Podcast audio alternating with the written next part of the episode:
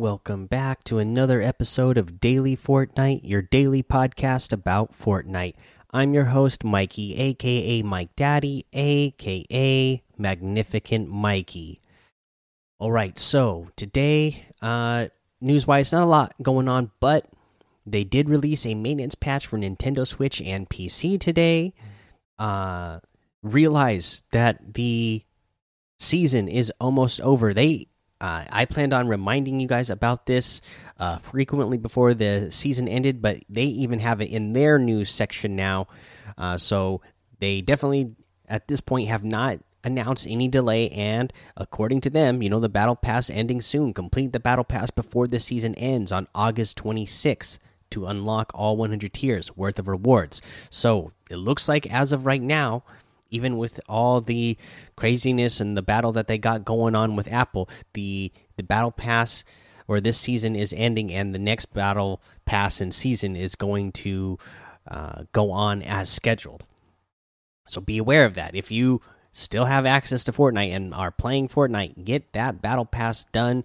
I, me and my son have been work. I I hit 100 a long time ago.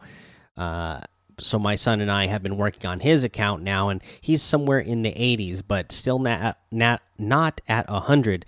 Uh, so because I record these in the evening, it's August 18th right now, uh, but you know it's in it's in the evening, so there's basically only seven days left uh, of this of the season. So get that done. Uh, in other news, we do have a Save the World home base status report. Commanders home base is back with another status report. Bzz, hello, Commanders. I am seeing that the current blasted Badlands Ventures season will end on September 4th. The next Venture season will begin soon after. Bring your flashlight, Commanders. See bot. Now, back to your regularly scheduled report.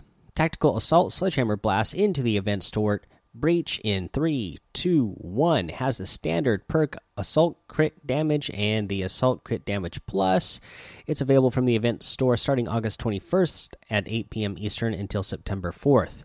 The Cloak Star hits the road for Part 2.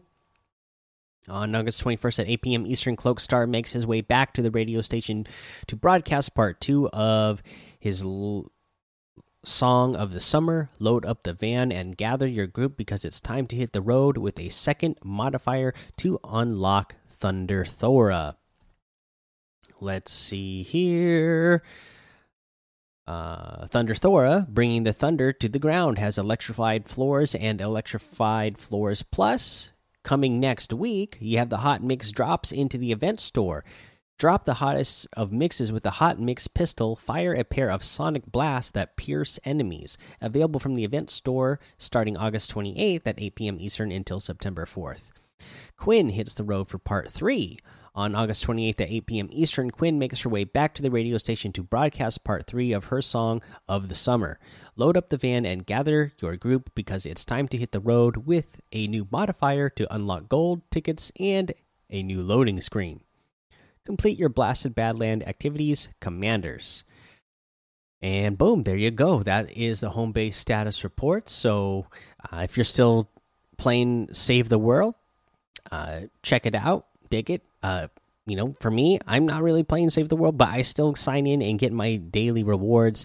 This week i think my weekly reward for my daily sign-ins is going to be 150 V bucks, so not much, but like I said, every couple of months you run into a real big one. So, you know, I you you normally get like the 100, 150, every once in a while 300, and then every once in a while you get a really big one. So not this week, uh, but next week on my next week's daily sign-in rewards, I'm getting a thousand V bucks. So that's why I've been telling people for the longest time, way back in the day, that you should get on that Save the World because the just the rewards of the V Bucks alone for the daily sign-ins uh, has been worth it for me. Uh, let's see here. I think that yeah, that's all we got for news. Uh, again, challenges were really easy this week, so let's go ahead and take a break here. All right, now let's go over today's item shop where we have the Black Manta outfit back in the item shop. Comes with the Manta Pack backbling for 1,500 and the Manta Blades harvesting tool for 800.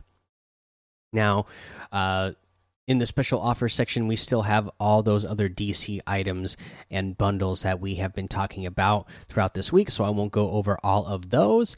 But in the rest of the item shop, we have the Summer Drift outfit with the Uzi backbling for 1,500. This is one of my favorite summer outfits. The Dual Edge Harvesting Tool for 1,200. The Kitsune Wrap for 500. And the Drift Stream Glider for 800. Uh, we have the Doggo outfit with the Chow Down backbling for 1,500. Love this guy. The Doggy Bag backbling for 200 the Chew Toy Harvesting Tool for 500, and the Rough Wrap for 300.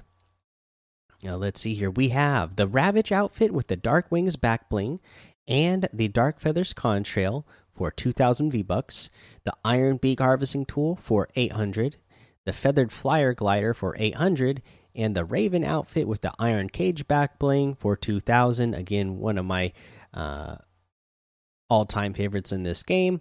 We have the Birdie outfit for 800 we still have the scoops uh, and slices bundle in here for 1000 again that has the two scoops harvesting tool the vanilla whip back bling and the uh, caperoni back bling.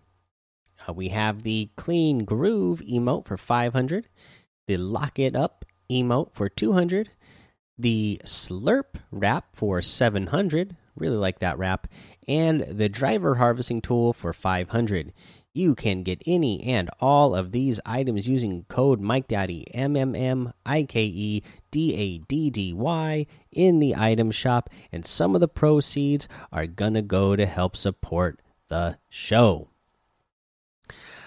Okay, so for tip of the day, uh, let's see here. I saw this one. Uh, this one was from Meme Regime, and okay, so here's what you can do uh, with the uh, with the pickup truck. Okay, so obviously, if you are driving around the cars, you need gas, and they run out of gas, uh, and you can have a gas can, uh, the gas canisters. You know, uh, you can carry them in your inventory and uh, refuel your vehicle that way if you need to. But uh, and you'll see this in the Discord because meme regime put this up in the community's tips and tricks. Uh, he put a picture up of it. Is that you can throw a whole bunch of gas canisters into the back of the pickup trucks, the mud flap, or is that what that? Cut? No, the bear, right? The OG bear. That's what the pickup truck is called. Anyways, you can throw uh, the gas canisters in the back and drive around with them that way. So then you don't even need to take up the inventory space, and then you can have multiple gas canisters sitting for you there in the back of your truck whenever you need to uh, refuel. And you know that truck is a pretty good truck because again it's faster than running so you're going at a decent speed uh, obviously it still does damage to players whenever you run into them which is great but you know it's not like the smaller cars uh, where they crash and stop it uh, get stop get stopped by crash by crashing into things easily. The the OG Bear it, it breaks through walls a little bit easier than uh, like the four door sedan or the the Whiplash uh, when you're still going at a slow speed. So OG Bear, you know, pretty versatile uh, vehicle. And again, the fact that you can carry a whole bunch of extra gas around with you and not have to take up inventory sp uh, space is uh, pretty convenient. Uh, so that's the end of the episode, guys. Go join the Daily Fortnite Discord and hang out with us. Follow me over on Twitch, Twitter, and YouTube. It's Mike Daddy on all of those. Head over to Apple Podcasts, leave a five star rating and a written review for a shout out on the show. Make sure you subscribe so you don't miss an episode. And until next time, have fun, be safe, and don't get lost in the storm.